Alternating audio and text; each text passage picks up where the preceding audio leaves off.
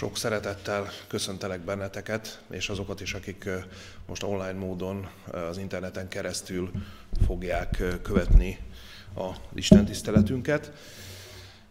Valóban akár a, a körlevélben, ahol elhangzott, hogy hogyan, milyen módon kell nekünk most nagyon józanul foglalkoznunk a bennünket körülvelő történésekkel, valóban azt kell, hogy mondjam, hogy embert próbáló időket és nagyon érdekes időket élünk. Magánemberként egész héten néztem, olvastam a híreket, és azt kell, hogy mondjam, hogy még egy kicsit úgy sok is lett. Sok lett, mert, mert rengeteg dolog szólt magáról a koronavírusról, hogy mi történik a világban, mi történik egyes országokban, és elég érdekes volt, mire az ember odaért a péntekhez, és azon gondolkoztam, hogy hogy lesz ez a szombati nap más, vagy másabb, mint az előtte lévő napok. Aztán eszembe jutott az is, hogy egy, egyik alkalommal a héten mentem egy tárgyalásra, és még ott is a rádióban hallgattam a híreket, lehetett hallani a hírolvasónak a hangján, hogy egy kicsit mintha megkönnyebbülne, mikor éppen az időjárásnak a híreit olvassa fel, és nem a, nem a 6-7-8 koronavírusos hírt, ami tényleg azt lehet mondani, hogy eluralta az egész világot, az egész világnak a, a médiái ugye erről beszélnek. Túl vagyunk már azon a azon a ponton, amikor még csak jöttek kritikák, hogy nem kellene talán ennyit erről beszélni, Azonban az emberek féltek, az embereknek információra volt szükségük, és úgy tűnt, hogy minden abban az irányba mutat, hogy hát erről beszélni kell. A héten voltam vidéken, és mivel nagyon közel voltam a szülővárosomhoz, amikor vége volt a tárgyalásnak, akkor tudtam még időt szakítani egy, egy órácskát arra, hogy meglátogassam édesanyámat Balatonfüreden.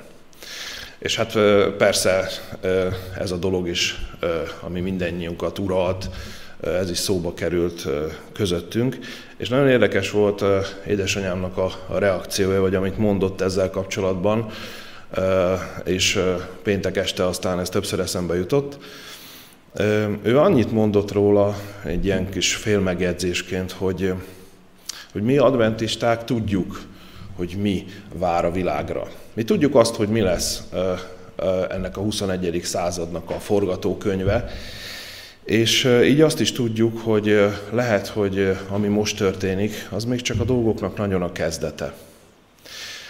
Hogy, hogy bár tényleg nagy a félelem, tényleg nagy a bizonytalanság, mégis tudhatjuk azt, hogy ez még a dolgoknak nagyon csak az eleje.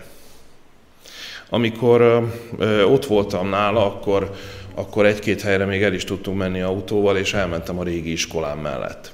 Eszembe jutott az egyik osztálytársam, a Cenc András, akivel egy padban ültem, és eszembe jutott az, hogy, hogy hát például neki köszönhetem azt, hogy a, a kémiai jegyeim azok görbültek, valahogy a kémiához én soha nem voltam igazán jó, és a Bandinak volt még egy nagyon érdekes tulajdonsága, amivel egy kicsit úgy kiemelkedett közülünk, kiemelkedett az osztályból, kiemelkedett a fiúk közül is. Az pedig az volt, hogy ő volt az osztályban a leggyorsabb futó. Ő volt az, aki, aki, aki bármelyikünknél gyorsabban futott. Volt egy, egy meghatározott útvonal, amin mi a, a testnevelés órákon futottunk, és ezt Rákóczi körnek hívtuk, mivel a Rákóczi utcán keresztül fordultunk meg a, az épületen, és ha a tornatanárnak rossz kedve volt, akkor kettő vagy három kört kellett futni, ami azért elég fárasztó volt.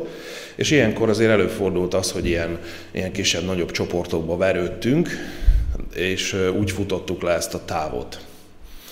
És mivel a Bandival mi jó barátok voltunk, ezért mi egy csoportban voltunk, bár elég nehéz volt vele tartani a, a tempót, de egy ilyen csoportban ketten, hárman, néha négyen voltunk, akik ott elől futottunk, amikor tornaórán ezt a feladatot meg kellett csinálni. És a, a torna tanárunk, aki egyébként ilyen félszavakban ö, szokott velünk csak beszélni, viszont azt a félszót, vagy azt az egy szót, azt mindig ilyen nagyon jelentőség teljesen mondta, ezért ezért emlékszem különösen ennek a, az ügynek a kapcsán erre a párhuzamra, hogy észrevette azt, hogy, hogy ugye lassabban futunk, és az utolsó pár száz méteren elkezdett nekünk kiabálni, hogy na, fiúk verseny, hogy ki fog először célba érni. Hát mivel mi futottunk elől hárman, négyen, ezért elkezdtünk ilyen gyorsabb tempóra váltani, és ahogy az lenni szokott a versenyfutáskor, így egymást inspiráltuk, hogy gyorsabban és gyorsabban fussunk. A végén már tényleg úgy éreztük, hogy teljes erőkből futunk, és hogy ennél egyszerűen képtelenség már gyorsabban futni. És akkor ilyenkor jött el az a pont, amikor balra néztem, és azt vettem észre, hogy a, a bandi mintha egy motorra ült volna, elképesztő sebességgel még rákapcsolt, amit egyszerűen már nem lehetett követni, és elhúzott mellettünk, és, és egyszerűen nem tudom, 10 méterrel, 12 méterrel előttünk futott be a célba, pedig addig ugye együtt futottunk. És emlékszem, hogy egy ilyen alkalommal, amikor ott lihegtünk a, a célvonalba, vártuk még, hogy a többiek is beérjenek, föltettem a kérdést, hogy ezt, ezt, ezt így hogy csinálod, Bandi? Ezt, ezt, hogy vagy erre képes? És a testnevelés tanárom meghallotta ezt a kérdést, és akkor Rám nézett, egy darabig nézett, és csak annyit mondott az ilyen egyszavas mondataihoz képest, hogy bemelegítés. Hogy innen majd megértem a dolgot. És valóban, amikor a tornaórák elkezdődtek, akkor ott álltunk a sorba, és akkor vártuk, hogy majd valami történik. Addig mellettünk Bandi, meg ilyen furcsa mozdulatokat végzett a kezével, és meg kell, hogy mondjam, hogy senki nem utánozta, mert olyan, olyan viccesnek tűnt. Olyan viccesnek tűnt, hogy ott Google, meg kicsit helyben fut. Mi azért úgy voltunk vele, hogy jó, majd úgyis futunk mi eleget, köszönjük szépen, nem kell, nem kell ez nekünk annyira. Aztán később a, a tornatanár, amikor az egy szavas és egy mondatos kommunikációból egy kicsit közlékenyebb lett, akkor elmagyarázta nekünk, hogy azért jó a bemelegítés, mert amikor eljön az a pillanat, amit én nem értek, hogy Bandi elhúz mellettünk, az azért történik, mert ő bemelegített, és miután már a, az izmai kinyúltak, ő még képes egy plusz olyan teljesítményre, amire mi, akik nem melegítettünk be, nem vagyunk képesek.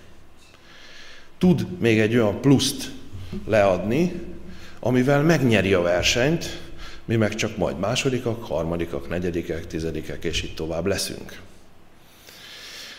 Úgyhogy a következő alkalommal, amikor Bandi ilyen furcsa mozdulatokat végzett, akkor már senki nem nevetett rajta, hanem úgy mi is kezdtük úgy utánozni, hogy, hogy akkor valószínűleg ez lesz a titok. És amikor édesanyám mondta ezt a dolgot, hogy hát ez még csak a kezdet, akkor eszembe jutott ez a, ez a történet, ami megtörtént velem, hogy ez lenne a bemelegítés. Ez lenne a bemelegítés. Miért jó ez nekünk?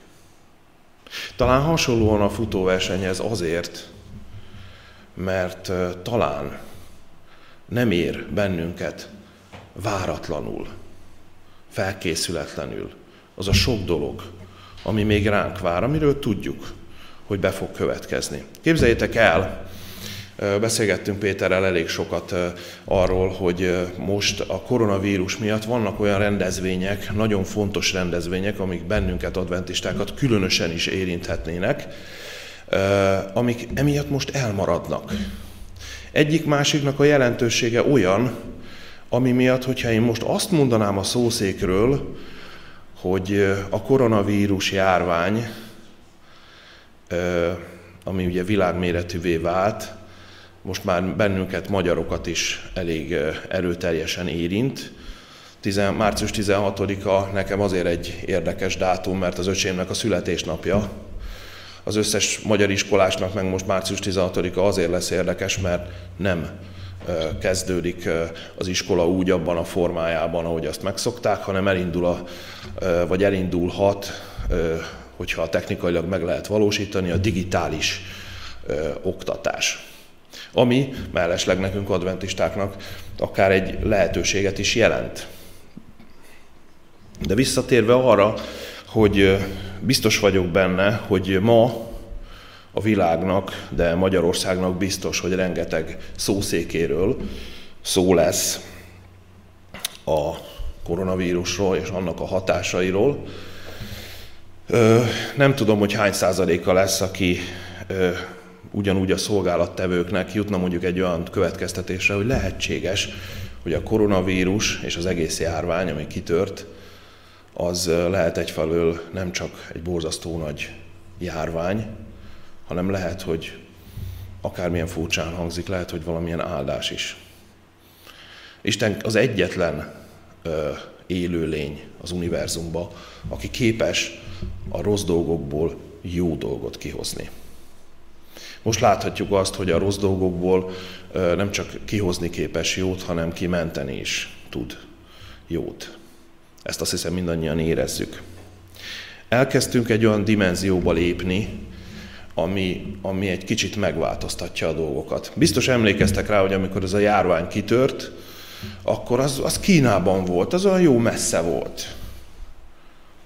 Olvastunk erről a Wuhan városról, olvastunk, hogy ott mi történik. Ha most ránézünk a világnak a virológiai térképére, akkor is azt látjuk, hogy egy, egy nagy piros kocka van ott, mert ott, ott volt a legtöbb fertőzött az addigi ismereteik szerint. Addig, ameddig messze volt, addig még teológusok is felálltak ide a szószékre, és meséltek a különböző járványokról, meséltek arról, hogy hogy, hogy nézett ki ez a, a világ történelembe, de tudtunk egy kicsit úgy beszélni róla, mint egy olyan tudományos tényről, ami, ami időben is, meg térben is nagyon messze van tőlünk. Ami azért úgy nincsen közvetlen hatással az életünkre. És egészen eddig a napig ez igaz is volt. Aztán láttuk azt, hogy hogyan indul el az útjára ez a járvány, hogyan tűnik fel a közel-keleten, aztán hogyan tűnik fel tőlünk nagyon nem is annyira messze, Olaszországban, és aztán, hogy hogyan képes egy egész nemzetet karantén alá vonni egy ilyen kis picike vírus. Olvastam azokat a különböző tudom, vagy tanulmányokat, meg, meg hallottam szakértőket arról, akik azt mondják, hogy az olaszok amúgy is olyan közvetlenek, és már az üdvözlésük sem egy átlagos készfogás, nem csoda, hogyha Olaszországban felfutottak ezek a dolgok, és felgyorsultak ezek az események. Beszéltünk arról, hogy azért a karantént érdemes komolyan venni, hiszen az az egyik olyan dolog, amivel jól megállítható ez a vírus, és egyáltalán a vírusoknak az elterjedése. Náluk volt egy pont, amikor, amikor egy picit elbagatelizálták a dolgot, azt mondták, hogy hát lehet, hogy nem kellene ennyire szigorúan venni a dolgokat, és voltak esetleg talán olyan rossz döntések, amit nagyon nehéz volt felvállalni később meg végignézni a következményét, és látszik az, hogy, hogy szegény olaszok, és ilyenkor az olasz testvéreinkre is gondolunk, nem csak a, a, az olasz állampolgárokra, látszik az, hogy mikor egy ilyen hatalmas nagy ország rengeteg emberrel, hatalmas nagy infrastruktúrával, rengeteg mindennel egyszerűen bezár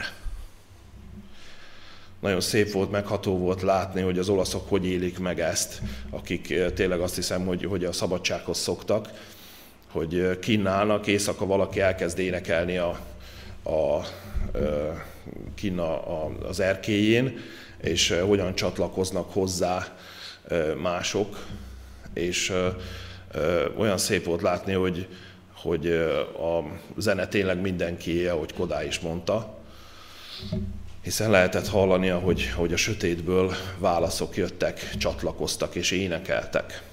És ez nagyon megtetszett egyébként a, a, az olaszoknak, úgyhogy szerintem a, a, a neten 4-5-10 ilyen videót is tudtok látni, ahol az emberek kiállnak a, az erkére, és ilyen különböző énekeket, ami, ami mindenki számára ismert vagy ismertebb, énekelnek együtt közösen.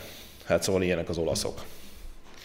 De visszatérve, láthatjuk azt, hogy a, a média annyit, annyit, annyit beszélt ezekről a dolgokról, hogy a héten futottam bele a, egy Szigeti Jenőféle mondatba, a neten mindenki kommentelgetett a koronával kapcsolatban, és Szigeti Jenő volt az, aki odaírta azt, hogy tudjátok gyerekek, én egy másfajta koronát várok. Én szeretnék egy másfajta koronára figyelni, vagy koncentrálni. És tényleg jó az, hogyha egy picit helyre tesszük a dolgokat. Amit, amin gondolkodtam, hogy, hogy mi lehetne az az alapige, amiről beszélhetnénk, egy, egy elég jó párhuzam a mai napjainkkal. Máté evangéliumának a nyolcadik fejezetében, hogyha odalapozunk, akkor a 23-tól a 27. versig tartó részt olvasnám veletek közösen, és erről szeretnék veletek közösen elmélkedni. Tehát Máté evangéliumának 8. fejezete 23. versétől olvasom.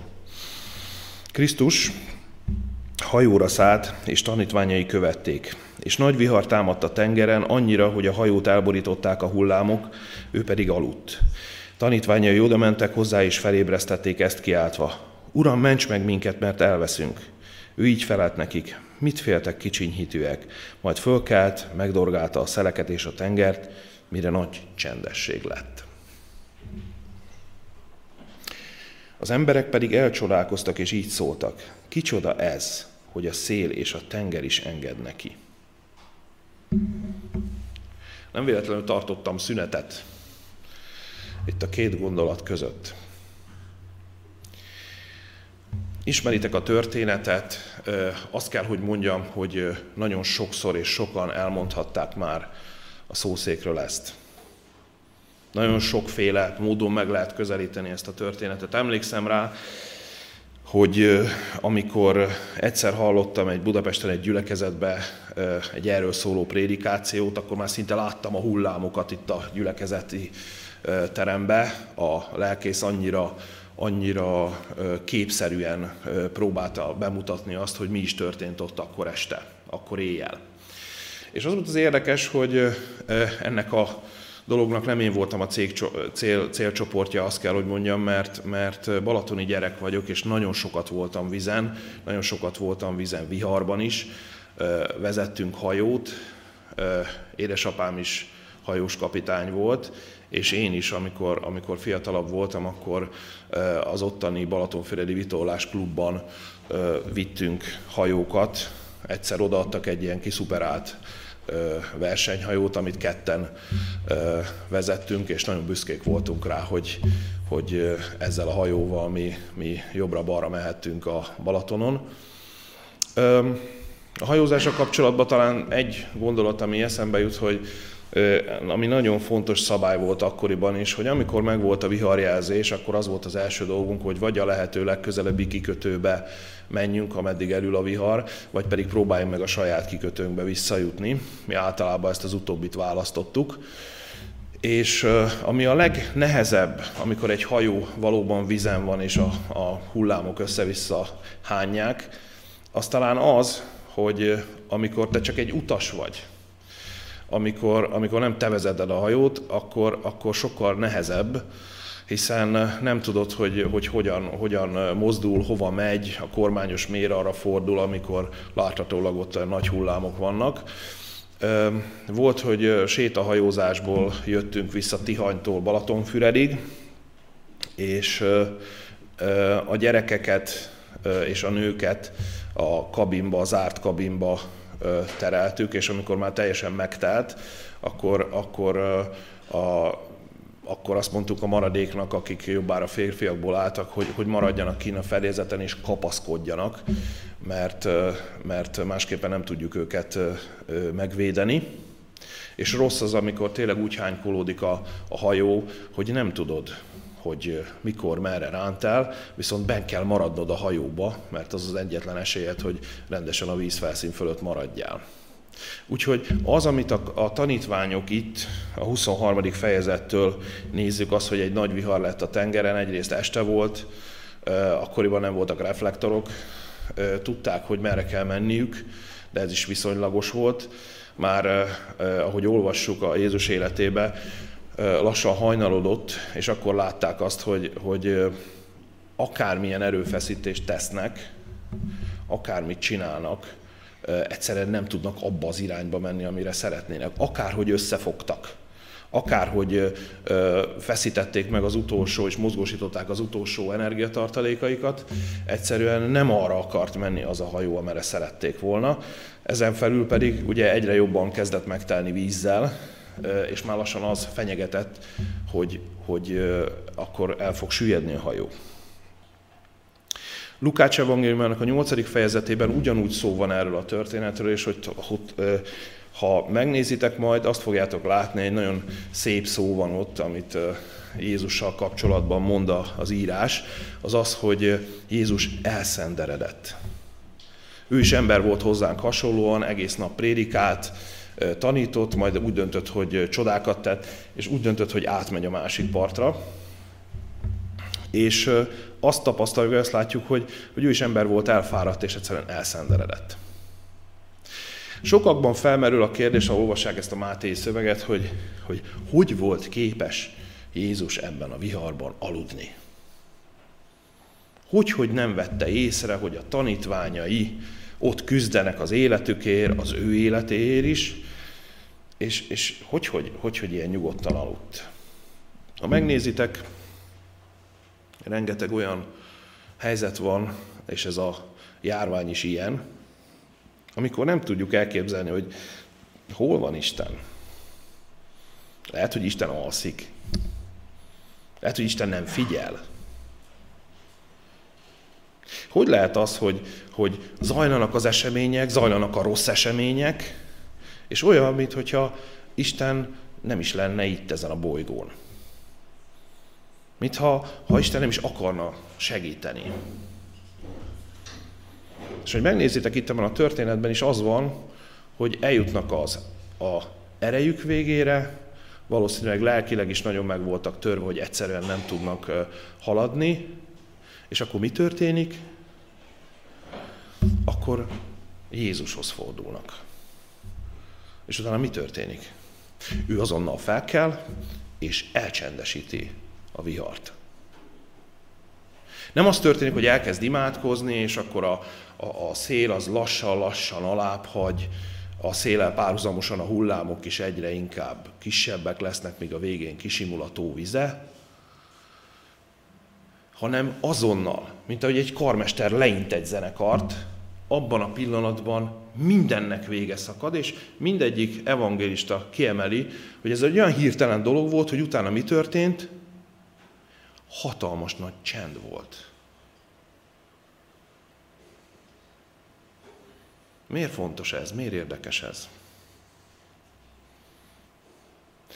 Ez a történet például arra tanít bennünket, hogy Jézusnál megvan ez a karmesteri pálca. Bármikor képes lenne leinteni az emberiség történelmét. Amikor ezekről a dolgokról beszélgettünk, hogy a, ez a járvány most kitört, most úgy néz ki, hogy akkor egy nagyon fontos konferencia miatt el fog maradni, aminek az lenne a következménye, hogy, és az bennünket így meg így érintene, akkor azt látom, hogy nem azért ö, történnek ezek a dolgok, mert mi készen vagyunk. Nem azért történnek ezek a dolgok, mert, mert valóban folytatódhatnának.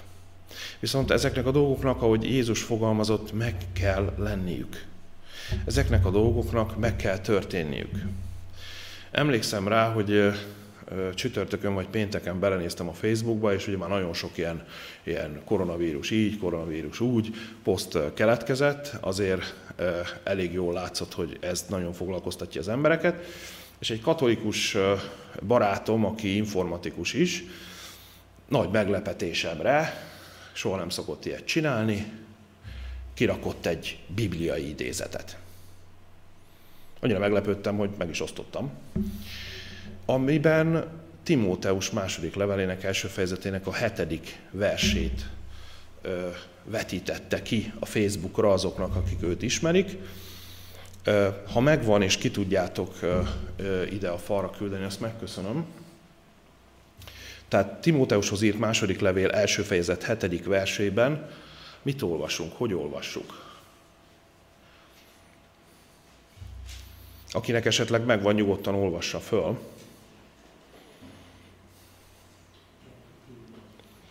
Timóteushoz írt második levél első fejezet hetedik verse. Első fejezet. Első fejezet második, vagy első fejezet hetedik verse. Mert nem félelemnek lelkét adott nékünk az Isten, hanem erőnek és szeretetnek és józanságnak a lelkét. Akkor, amikor rengeteg dolog bánt bennünket, amikor rengeteg dologtól vagyunk személyesen érintettek, akár egyéni betegség, akár ez az egész világjárványféle fenyegetettség, amiben élünk.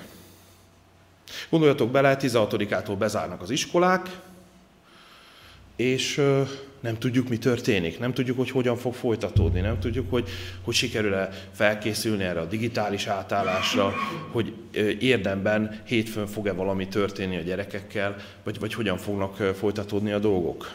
A bizonytalanság az egy dolog, az egy olyan dolog, amit az ember nagyon nem szeret. Az ember szereti tudni, hogy mi történik. És ha megnézitek ezt a történetet, akkor van benne egy nagyon érdekes pont. A Máté Evangélium a 8. fejezetének a 27. versében azt mondja, hogy amint ugye megdolgálta a szelet, lecsendesített mindent, minden zavaró dolog, minden félelmetes dolog egy szempillantás alatt megszűnt, mi történt? A 27. versben azt olvassuk, hogy az emberek pedig elcsodálkoztak, és így szóltak, kicsoda ez, hogy a szél és a tenger is enged neki. Amikor a túlsó, bocsánat, tehát, hogy, hogy elcsodálkoztak azon, hogy, hogy milyen hatalommal teszi ezt, vagy, vagy, vagy ki ő, hogy, hogy erre képes. Hogyha ezt, ezt a szöveget, ahogy én is kiragadtam a nyolcadik fejezetből, csak kiragadva olvasnánk el, akkor biztos csodálkoznánk, nem? Még akkor is, hogyha ha azt mondjuk, hogy hát persze hát Jézus Isten fia volt, és, és meg, meg tudta ezt tenni. De ami nekem itt érdekes, maga a csodálkozás. Van olyan helye, ugye Lukácsnál azt olvassuk, hogy félelemmel vegyes csodálkozással, vagy csodálattal néztek. Itt a Máténál a, a csodálkozás emeli ki Károli a fordításban. Nagyon érdekes, hogy azon csodálkozom, hogy miért csodálkoznak. Mert ha megnézitek a nyolcadik fejezetet az elejétől kezdve, ahogy egészen idáig eljutunk, azt látjuk, hogy sokaság követte, ö, oda ment egy leprás, aki, aki a kornak egy gyógyíthatatlan betege volt, kinyújtotta a kezét, megérintette, megtisztította, azt mondja, az, és a lepra azonnal elmúlt róla. Nem azonnal gyógyulni kezdett, hanem azonnal elmúlt róla. Aztán jön a százados, aki még ennél is hatalmasabb dolgot kér tőle. Tudnélik azt mondja, hogy el se gyere hozzám. Mert tudom, hogy ezek a dolgok hogyan működnek. Tudom, hogy neked van hatalmad. Tudom, hogy van hatalmad, ezért csak mondjad azt, hogy gyógyuljon meg, és meg fog gyógyulni, én hiszem.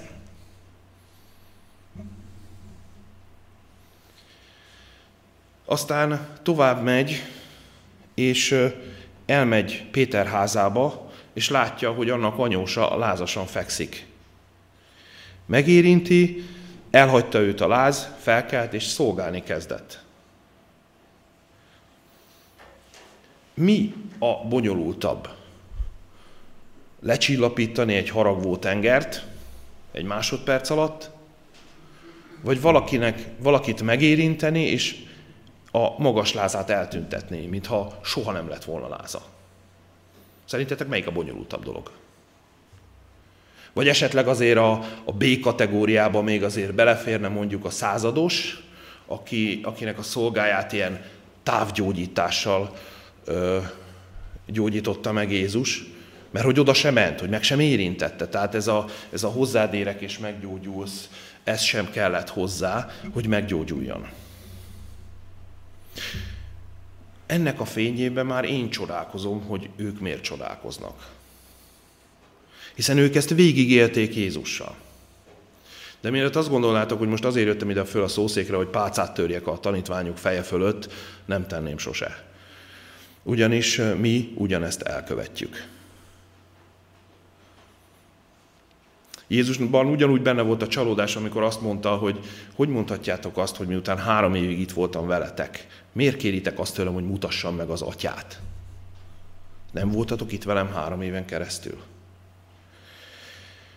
Nagyon jó volt, hogy amikor az Unió megfogalmazta ezt a, ezt a körlevelet, akkor azért a, a, a testvérek nem csak a praktikus tanácsokat sorolták föl, nem csak arról beszéltek, hogy itt mossunk kezet, itt tegyük azt, ott tegyük azt, amikre mind szükség van, hiszen próbálták teljes körűen bemutatni azt, hogy, hogy mivel lehet abszolút a minimálisra csökkenteni a kockázatot, ami a koronavírussal kapcsolatos.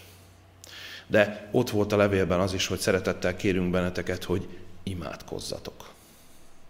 Vannak olyan helyzetek, amikor nem lehet mit csinálni. Amikor nem tudsz elég okos lenni, kiderül, hogy nincsen orvosi végzettséged, nem tudsz ö, úgy segíteni, hogy mondjuk egy sebész segíthetne, de van egy sokkal hatalmasabb befolyásod, fegyvered, ez pedig az ima.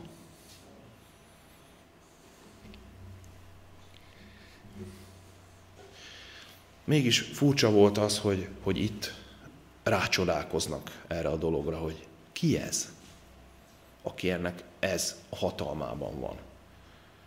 Kicsoda ez, hogy ezt megteheti? Persze biztos vagyok benne, hogy nem minden nap, nem minden nap találkozunk egy olyan esettel, amikor hirtelen megszűnik körülöttünk egy tomboló vihar. Az egy, az egy hihetetlen dolog lehet. Vannak Amerikában tornádók, amik így végig söpörnek államokon, borzasztó nagy pusztítást hagyva maguk után, és ott vannak olyan, vannak olyan pillanatok, amikor még azt látod, hogy viszi a házadat meg a csűrt, és a következő pillanatban már süt a nap. De ez itt a helyzet, ez nem az a helyzet volt, és, és joggal lehettek a tanítványok megdöbbenve, de ez, ez a fajta viselkedés, ez a fajta a rácsodálkozás, ez nekünk is egy, egy tanulság. Mert gondolkodtam sokat, hogy hogyan lesznek ezután az Isten tiszteletek. Hogyan fogunk itt összegyűlni. És megmondom őszintén, hogy nagyon hálás vagyok, hogy, hogy nem az történt, amit, amit itt előre vizionáltunk, hogy majd leszünk hárman, négyen, gyorsan beosszuk magunk között, hogy ki lesz az óravezető, ki, ki lesz a, a számítógépnél, hanem mégis megmozdultunk és eljöttünk. Lehet, hogy lesz majd a vírusnak már egy olyan stádiuma, vagy ennek a járványnak egy olyan stádiuma, amikor ezt nem tudjuk megtenni, anélkül, hogy tényleg ne veszélyeztetnénk egymás és a saját egészségünket. És lehet, hogy lesznek olyan időszakok, amikor azt kell, hogy mondjuk, hogy nem fogunk tudni itt összejönni. És nagyon jó volt a körlevélben az is, amikor arra hívták fel a figyelmünket a testvérek, hogy hogy tudnánk ebből a rossz helyzetből a jót kihozni. Ellen White tanácsát idézik, hogy, hogy, hogy ilyenkor ott tudunk lenni a családjainkkal. Ott tudunk lenni közel egymáshoz. De nem csak a családhoz, hanem közel tudunk lenni Istenhez, hogy fel tudjuk jól használni ezt az időt hogy egymással foglalkozzunk, Istenhez közelebb kerüljünk. Az Istennel való kapcsolatunkat rendezzük, az Istennel való kapcsolatunkat megerősítsük. Több időt el tudunk vele tölteni. Lehet, hogy ezek a napok, ezek a hetek ezért is lesznek adva. Hiszen mi a fontosabb? Az egészség nagyon fontos dolog. De azt gondolom, hogy az Istennel való kapcsolatunk még fontosabb dolog. Ő az életnek a forrása. Ha hozzá megyünk, akkor nem lehetünk bajban.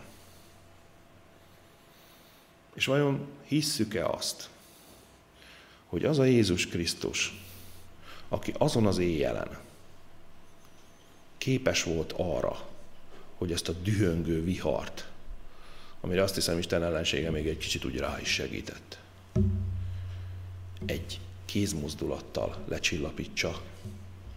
Hogy hisszük-e azt, hogy ugyanaz a Jézus képes arra, hogy akár ezt a világjárványt egy kézmozdulattal eltörölje. Hogy elgondolkodhassunk. Elgondolkodunk-e azon, hogy lehet, hogy ezek a napok, ez a bemelegítés.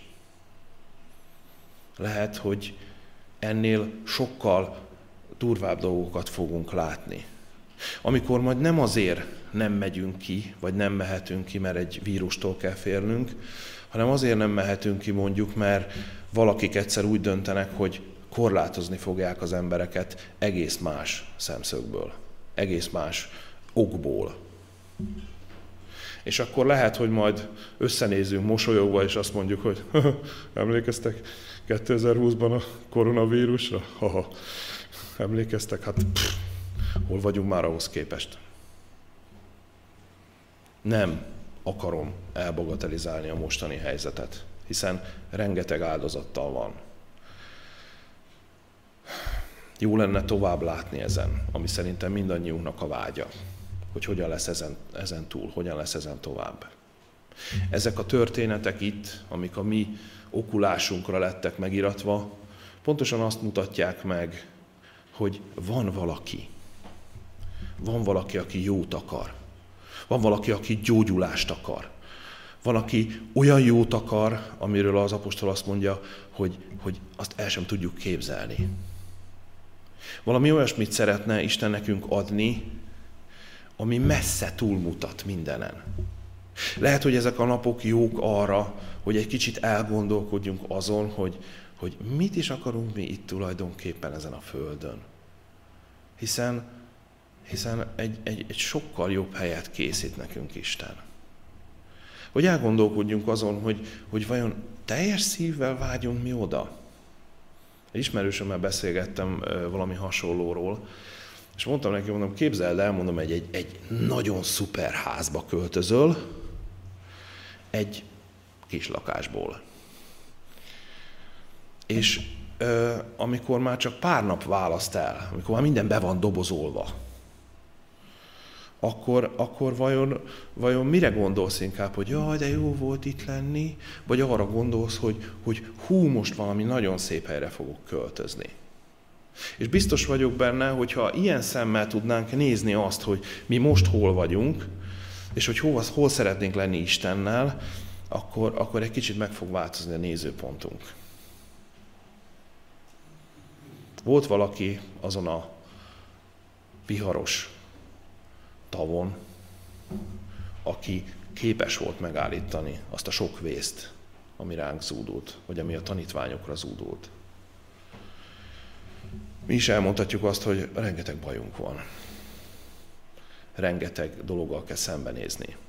Rengeteg dologgal szembe veszük észre azt, hogy csak erőlködünk, erőlködünk, próbálunk, próbáljuk megcsinálni a, a dolgainknak a legjavát, próbáljuk a tudásunknak a legjavát beletenni, megpróbálunk fizikailag az utolsó ö, ö, erőfeszítésünkig ö, szinte elmenni a falig, és nem történik semmi.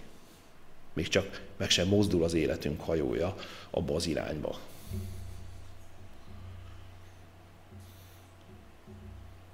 Akkor jó, hogyha bennünk van legalább az, ami a tanítványokban benne volt, hogy Jézus felé fordulunk.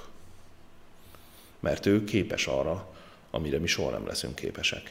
Ő képes arra, ami természet fölöttinek tűnik. Ő képes arra, ami első pillanatban talán sokkolva nézünk keresztül, de aztán lassan rájövünk arra, hogy nem lehetséges, hogy Isten mindenható. Nem lehetséges, hogy, hogy, hogy ő fölötte áll ennek az egésznek.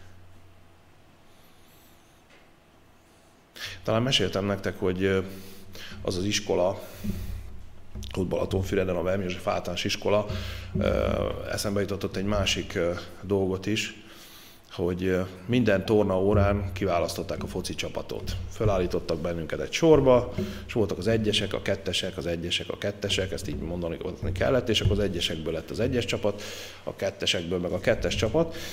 És valahogy mindig az történt, hogy az egyes csapat, ahova tartoztam, ők jók voltak. Tényleg jók voltak fociból. Mivel én voltam a legmagasabb az osztályba, ezért engem mindig így beraktak a kapuba. Ott egyrészt nem csinálok olyan túl nagy bajt, kettő, hát elég nagy vagyok szélességében, meg magasságában, hogy, hogy én ott, a, ha minden igaz, akkor tudok jól védeni. Úgyhogy én voltam a kapus. Volt egy, egy osztálytársam, aki, aki egy kicsit olyan lustácska volt, viszont mivel mi voltunk a jó csapat, ő meg a hátvéd, ezért neki olyan sok dolga nem volt. Ő egyszerűen nemes egyszerűsége azt csinálta, hogy leült a hetesre, így törökülésben, és így nézte messziről a harcot. Ami ugye az ellenkező térfélen történt, mert a mi jó csapatunk folyamatosan támadott és rúgta a gólt. És miután az ellenfél ö, ugyan kirúgta a labdát, de már pillanatok alatt elszedték, sokszor még a saját ö, térfelükön megszereztük a labdát, és a mi csapatunk újra visszament támadni. Hát én leginkább támasztottam a kaput, ő meg ült a hetesen, és hát néha beszélgettünk. Volt egy olyan vicces jelenet, amikor előfordult, hogy, hogy ott a hatalmas nagy ö, ö, harcban valahogy kigurult a labda, mindenki egymást rúgta, a labda meg szépen kigurult, mint egy rajzfilmbe, és akkor Ákos, aki a hetesen ült, szépen feltápászkodott, elnézést kért, hogy félbeszakítottuk a mi kis beszélgetésünket, és elrohant, és berúgta a tömegbe a labdát, aztán őt folyt tovább a harc, Ákos visszajött a hetesre, és így leült. Háttal. Háttal, annak, ami történik, mint egy jó, mint egy jó hátvéd, és folytattuk tovább a mi kis beszélgetésünket. Ezt megtehettük mindazért, mert mi a jobbik csapatban voltunk. Mi a nyerő csapatban voltunk. Szinte nem is kellett védelem egy meccs alkalmával, mert egyszerűen nem jutottak el odáig az ellenfél csatárai, hogy, hogy helyzetbe kerüljenek. És sokszor mi adventisták pont ezt felejtjük el hogy mi a nyerő csapatban vagyunk. Mi a nyerő csapatban játszunk. És higgyétek el, és ezt lehet, hogy csak a mennyben fogjuk megérteni, amit most talán nem értünk, hogy miért történik az életünkben, hogy vannak csaták a színfalak mögött, és vannak nagy küzdelmek a színfalak mögött, amiről a szombatiskolán is beszélgettünk, amelyek őket mi nem is nagyon látunk. Nem is nagyon tudunk róla. Mert Isten megvívja azt helyettünk. Úgyhogy lehet, hogy most is az történik, hogy ameddig mi itt vagyunk, vagy ameddig mi majd az otthonainkba leszünk, és egy kicsit úgy érezzük, mintha vesztegzár alá kerültünk volna, mint hogyha tétlenségre lennénk kárhoztatva. Nos, akkor a közben Isten dolgozik nem ismerjük azokat a dolgokat, ahogy mondja az én utaim, nem a ti utaitok, de ezt nem azért mondja, hogy megmutassa, hogy ő milyen felsőbbrendű hozzánk képest, hanem egyszerűen tényközlésként, hogy ő más távlatokban gondolkozik. Ahol mi egy konfliktust látunk, ott ő már látja a megoldást. Ahol mi, mi azt látjuk, hogy valami nagyon nincs rendben, valami hatalmas járvány van, ott ő már tudja azt, hogy hogyan és miként fogunk meggyógyulni belőle tudja, hogy hogyan fogunk keresztül menni. Az az Isten, aki megígérte, hogy gondja lesz az ő népére, ő ott van velünk a mindennapjainkban. Akkor is, amikor mi otthon vagyunk, és nem értjük ezt az egészet, hogy miért, miért kerültünk mi ebbe a helyzetbe. Akkor is, amikor, amikor állampolgárként próbálunk engedelmeskedni ennek a helyzetnek, és igyekszünk betartani azokat a dolgokat, amit a, amiket a feljebb valóink megtettek. Magyarországon veszélyhelyzetet hirdettek, ennek megfelelően próbáltunk mi is tájékozódni, és, és úgy tenni, mi mindenki más ebben az országban, hogy lehetőség szerint a lehető legjobbat tudjuk kihozni ebből a helyzetből. Ne felejtkezzünk el Istenről. Ne feledkezzünk el az imáról. Mi, keresztények, ezzel tetjük a legtöbbet. De ezzel tesszük a legnagyobbat is. Van lehetőségünk rá. Mindig van rá lehetőségünk. Annak idején viccesen azt mondták, hogy Istennél soha nincsen térerő probléma. Akármikor imádkozhatunk hozzá. Ő meg fog bennünket hallgatni. Nagy elődök vannak. Tanultuk a szombatiskolán is, hogy Dániel három hétig, 21 napig imádkozott, könyörgött. És Isten meghallgatta. De Isten már akkor is figyelt rá, amikor elkezdett imádkozni. Nem csak azt mondta, hogy jó, már 21 napja imádkozik. Nem. Ő már az első pillanattól kezdve ott volt vele.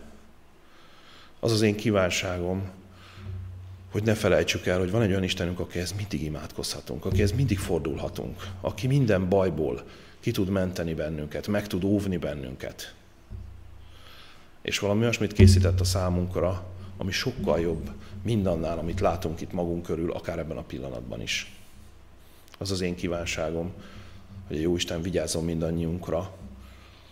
Ő legyen az, aki, akinél menedékben vagyunk, ő legyen ő a mi karanténunk, és legyen ő az, aki megmutatja nekünk azt az utat, ami járnunk kell, az ő kegyelméből. Amen.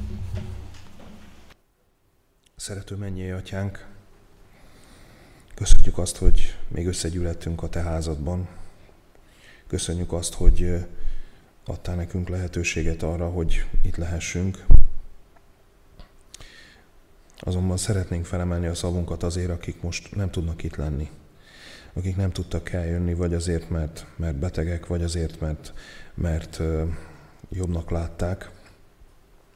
És köszönjük azt, hogy van lehetőségünk, van technikánk arra, hogy, hogy meg tudjuk osztani a veled való Isten tiszteletet.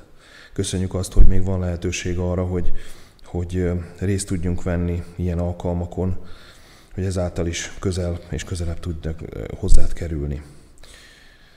Látod a te népedet szerte a világon, és nem csak a te népedet, hanem, hanem azokat az embertársainkat is, akik most ugyanígy aggódnak, ugyanígy gondolkodnak, ugyanígy tervezgetnek, és ugyanúgy próbálnak tisztán látni ebbe a helyzetbe, ahogy mi magunk is. Köszönjük azt, hogy, hogy van lehetőségünk hozzád fordulni. Te vagy minden bölcsességnek a forrása. Te vagy az, aki látni fogod, hogy, hogy ezzel mi történik. Te már látod ennek a végét, látod a következő dolgokat, amiknek meg kell lenni, és te látod azt a napot is, amikor, amikor majd Jézus újra visszajön, és elmehetünk az ő országába. Te látod azt a vágyat a mi szívünkben, hogy mi oda tartunk. Köszönjük azt, hogy ezekben az ünnepélyes időkben élhetünk. Köszönjük azt, hogy, hogy láthatjuk a te szabadításodat, láthatjuk a te kegyelmedet, megtapasztalhatjuk mindezt. Arra szeretnénk kérni, hogy erősíts meg bennünket, erősíts meg a mi hitünket, segíts abban, hogy, hogy egymást is tudjuk erősíteni. Segítsél meg bennünket abban, hogy mindannyian, akik, akik a te nevedben emelik fel a szavukat hozzád, azok láthassanak kimenekedést, láthassanak üdvösséget, láthassanak örök életet. Köszönjük, Atyánk, hogy, hogy megmutatod nekünk azt, hogy, hogy vannak dolgok, amik ugyan fontosak, nehezek, bonyolultak, akár veszélyesek is, mégis te tudsz adni kiutat, te tudsz adni menekülést, te tudsz adni megoldást. Köszönjük, Atyánk, hogy Te egy ilyen Isten vagy, akihez minden esetben, minden pillanatban oda tudunk fordulni. Nálad nincsen szükség arra, hogy várakozzunk, nálad nincsen szükség arra, hogy, hogy időpontot egyeztessünk. Te egy hatalmas Isten vagy, és egy szerető Isten vagy, aki minden pillanatban vágysz velünk lenni, és Te minden pillanatban kész vagy arra, hogy meghallgassál bennünket. Kérlek segítsél, hogy ebben az időszakban, amikor majd talán nem láthatjuk egymást annyit személyesen, mint az előtte, kérlek segíts meg, hogy mindannyian az otthonunkba le tudjunk borulni a mi térdeinkre, tudjunk hozzád fohászkodni, és tudjunk hozzád közelebb kerülni. Segítsél, hogy el tudjuk mélyíteni a mi kapcsolatunkat. Küld el kérlek a te szent lelkedet, hogy a te néped tisztán tudjon látni. Kérlek, segítsél meg bennünket, és erősíts meg a mi kapcsolatunkat te veled. Hiszen, hogyha foghatjuk a kezedet, akkor biztos a mi utunk, ha foghatjuk a kezedet, akkor biztos a mi vezetésünk. Köszönjük, hogy meghallgatod a mi imánkat. Kérlek, legyél közel-távol mindannyiunkkal a te végtelen kegyelmedből. Amen.